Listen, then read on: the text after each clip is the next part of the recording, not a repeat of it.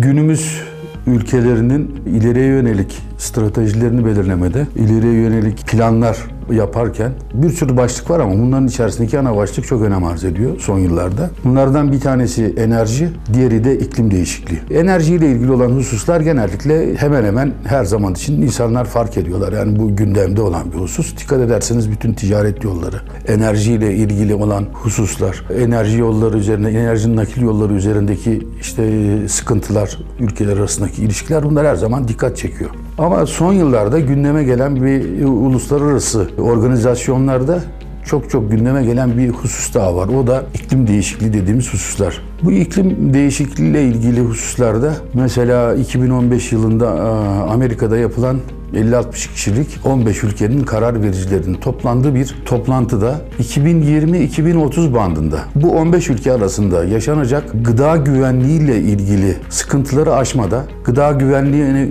garanti almada arada koordinasyonu sağlamak için yani bundan 5 yıl önce 2015 yılında Amerika'da ne yapmışlar? Bir araya gelmişler. Gerekli tedbirleri önceden planlamışlar. Demek ki bu iklim değişikliğinin getirdiği hususlara yarın oluşabilecek olan olaylara bugünden hazırlık yapmak gerekiyor. Bu hazırlıklar konusunda da ülkeler kendi özellikle bu gıda güvenliği konusunda çok önemli tedbirler almak zorundalar ki ileride karşılaşacakları kaos dönemlerini atlatabilmek için şimdiden hazırlık yapmak gere gere gereken uzun vadeli olaylar. İklim değişikliği deyince iki alt başlık hemen önümüze çıkıyor. Bir tanesi gıda güvenliği, bir tanesi de nüfus baskısı.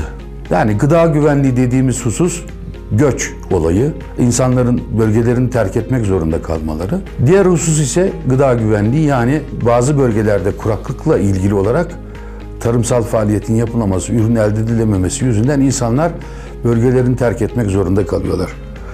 Bu iklim değişikliğinin en çok etkilendiği bölgeler karasal iklimin olduğu bölgeler. Yani işte denizden uzak iç havzalar dediğimiz karasal iklimin hakim olduğu bölgeler. Mesela bir Afganistan, işte denizden uzak İran topraklarını düşünün, Irak topraklarını düşünün, Suriye topraklarını düşünün, Anadolu'yu denizden uzak İç Anadolu şartlarını düşünün. Bunların her birisi iklim değişikliğinden en önce etkilenen bölgeler. Bu bölgelerde de gıda üretimindeki, tarımsal ürünlerdeki azalmadan dolayı bu bölgedeki insanların göç etmek zorunda kalmaları. Mesela hemen günümüzde yaşadığımız bir olay var. Türkiye'ye gelmiş olan Suriyeliler göç olayı yakın yakın yaşadığımız bir hadise ki içeride de bir sürü sosyal çalkantı hadisesi bir sosyolojik olay olarak her zaman gündemde yerini teşkil ediyor. Gündemdeki yerini koruyor. Şimdi bu olayın arkasında da bakıyorsunuz iklim değişikliği var. Nasıl diyorsunuz? 2007'lerden önce Suriye'de kırsal kesimde, karasal iklimin olduğu bölgedeki yağış yüksekliği ortalaması 22 santimdir. Eskişehir'in ortalaması 35 santimdir. Biraz kıyaslama açısından oradan onu örnek alalım. Buradaki kuraklık etkisinden dolayı insanlar şehirlere göç etmek zorunda kaldılar. Hayvanlarını besleyemediler. Sonra kentlere göç eden insanlar gerekli sosyal politikalarla kent yaşamına adaptasyonları sağlanamadığı için bunun arkasından gelen bir Arap Baharı sosyal hareketiyle daha sonrasında bu Arap Baharı ile gelen sosyal hareketin içerisine silah sokmak suretiyle çarpan etkisi oluşturulup etki adeta iki birimlik bir etki altı birimlik üçle çarpıp altı birimlik bir etkiye gibi örnek olarak söylüyorum. Ulaşınca bir milyonlar civarındaki bir insanın e, topraklarını terk etmesinin arkasından 5 veya 7 milyona varan insanların ülkeleri terk etmesi gibi durumlarla karşı karşıya kaldık. Bugün gündemimizde de bakıyorsunuz hala sınır bölgemizde orada gelen göçmenleri durdurabilmek için tedbir almakla uğraşıyoruz. Ve ülke kaynaklarımızın büyük bir kısmını da ona ayırıyoruz. Şimdi bu hadise hemen günümüzde yaşadığımız iklim değişikliğinin getirdiği ülke politikalarına yansıyan yanı. Şimdi bizim bölgemize dönecek olursak yine Anadolu iklimiyle ilgili olarak hemen şunu söyleyebiliriz. İklimler bugün Mısır'ın iklimi Antalya tarafına doğru kayıyor. Antalya'nın iklimi İstanbul tarafına doğru kayıyor. Özellikle dünya dünyanın sıcaklığının bir derece artması halinde mesela Mardin, Ufra gibi bir karasal iklimin olduğu bölgelerde 4 derece ortalama sıcaklığa etki var. Gece sıcaklıkları 3 derece, gündüz sıcaklıklarına yani gündüz sıcaklık şu gece sıcaklıkta iki tane verilen o değerlere gündüz sıcaklıklarını 5 derece ilave etmek zorunda kalıyoruz.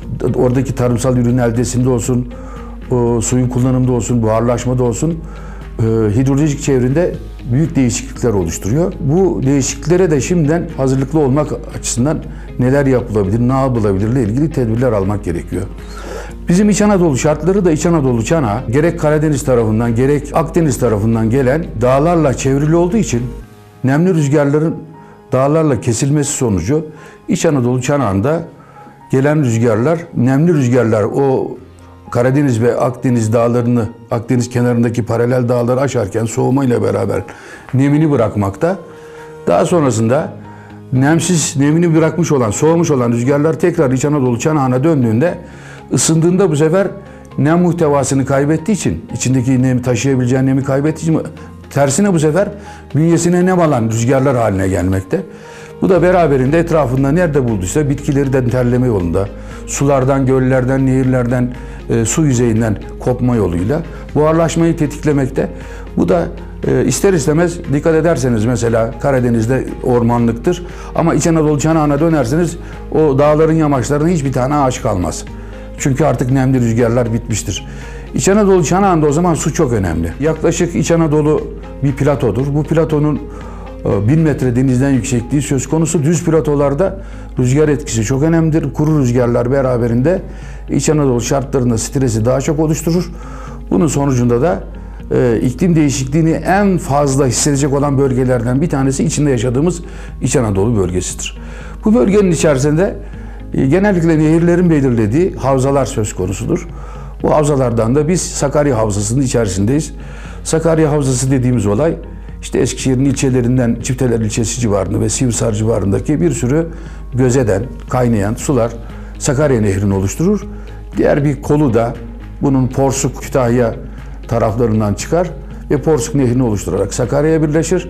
Aynı zamanda Ankara tarafındaki Kirmir Çayı gibi diğer çaylarda da birleşerek neredeyse Afyon, Kütahya, Ankara, Bolu arasında uzun bir yol kat ederek Karadeniz'e doğru yoluna devam eder. Şimdi en kuraklığın yaşanacağı bir bölgeden kaynayan bir su kaynağından bahsediyoruz. Bu havzadaki su potansiyeli çok önemli. Biz bu havzadaki su potansiyelini iyi koruyamazsak bu kaynaklardan çıkan sular önümüzdeki kurak yıllara doğru gidildikçe gittikçe azalacak demektir. Bizim o zaman bu kaynaklardaki su potansiyelimizi korumak için özellikle bu İç Anadolu çanağındaki özellikle bu Sakarya havzasında, havzasında yaşadığımız bu bölgedeki su potansiyelini korumak için alınması gereken tedbirler çok çok önemli tabii.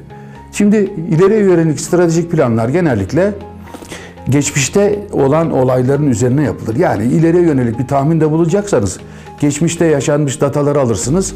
Onların tarihsel tarihle içerisindeki süreç içerisindeki değişimlerine göre ileriye yönelik ekstrapolasyonlarda bulunursunuz. O zaman bu süreç içerisinde yaşamış olduğumuz coğrafya içerisinde, tarihsel süreç içerisinde çok dehşet kuraklıklar var. Bu kuraklıklar bize ileride yaşayacağımız kuraklıkların aslında göstergesi. Bu kuraklıkların en önemlilerinden bir tanesi Osmanlı'nın 1560'larda başlayıp 1600'lü yıllara doğru giden o dönem içerisinde ardışık olarak devam eden, beşer yıllık hemen hemen aralarla devam eden ama en sonunda 1590 ile 95 arasında üst üste 5 yıl hiç çok büyük bir kuraklık yaşanmasıyla pik noktaya ulaşan bir kuraklık dönemi var ki hemen bu dönemin arkasından Osmanlı'da Celali isyanlarının çıktığını görürsünüz. Demek ki iklimle beraber bir e, ülkenin geleceğiyle ilgili çok kaotik durumlar yaşanabiliyor, kaoslar yaşanabiliyor. Bunlara hazırlıklı olmak gerekiyor. Bunlara hazırlıklı olan topluluklar genellikle fırsatları iyi değerlendiriyor. Eğer bu fırsatları iyi değerlendiremezsek, hazırlıksız, hazırlıksız girersek bu dönemlere hakikaten çok büyük sıkıntılarla karşılaşacağımızı şimdiden söylemek kahinlik taslamak olmaz.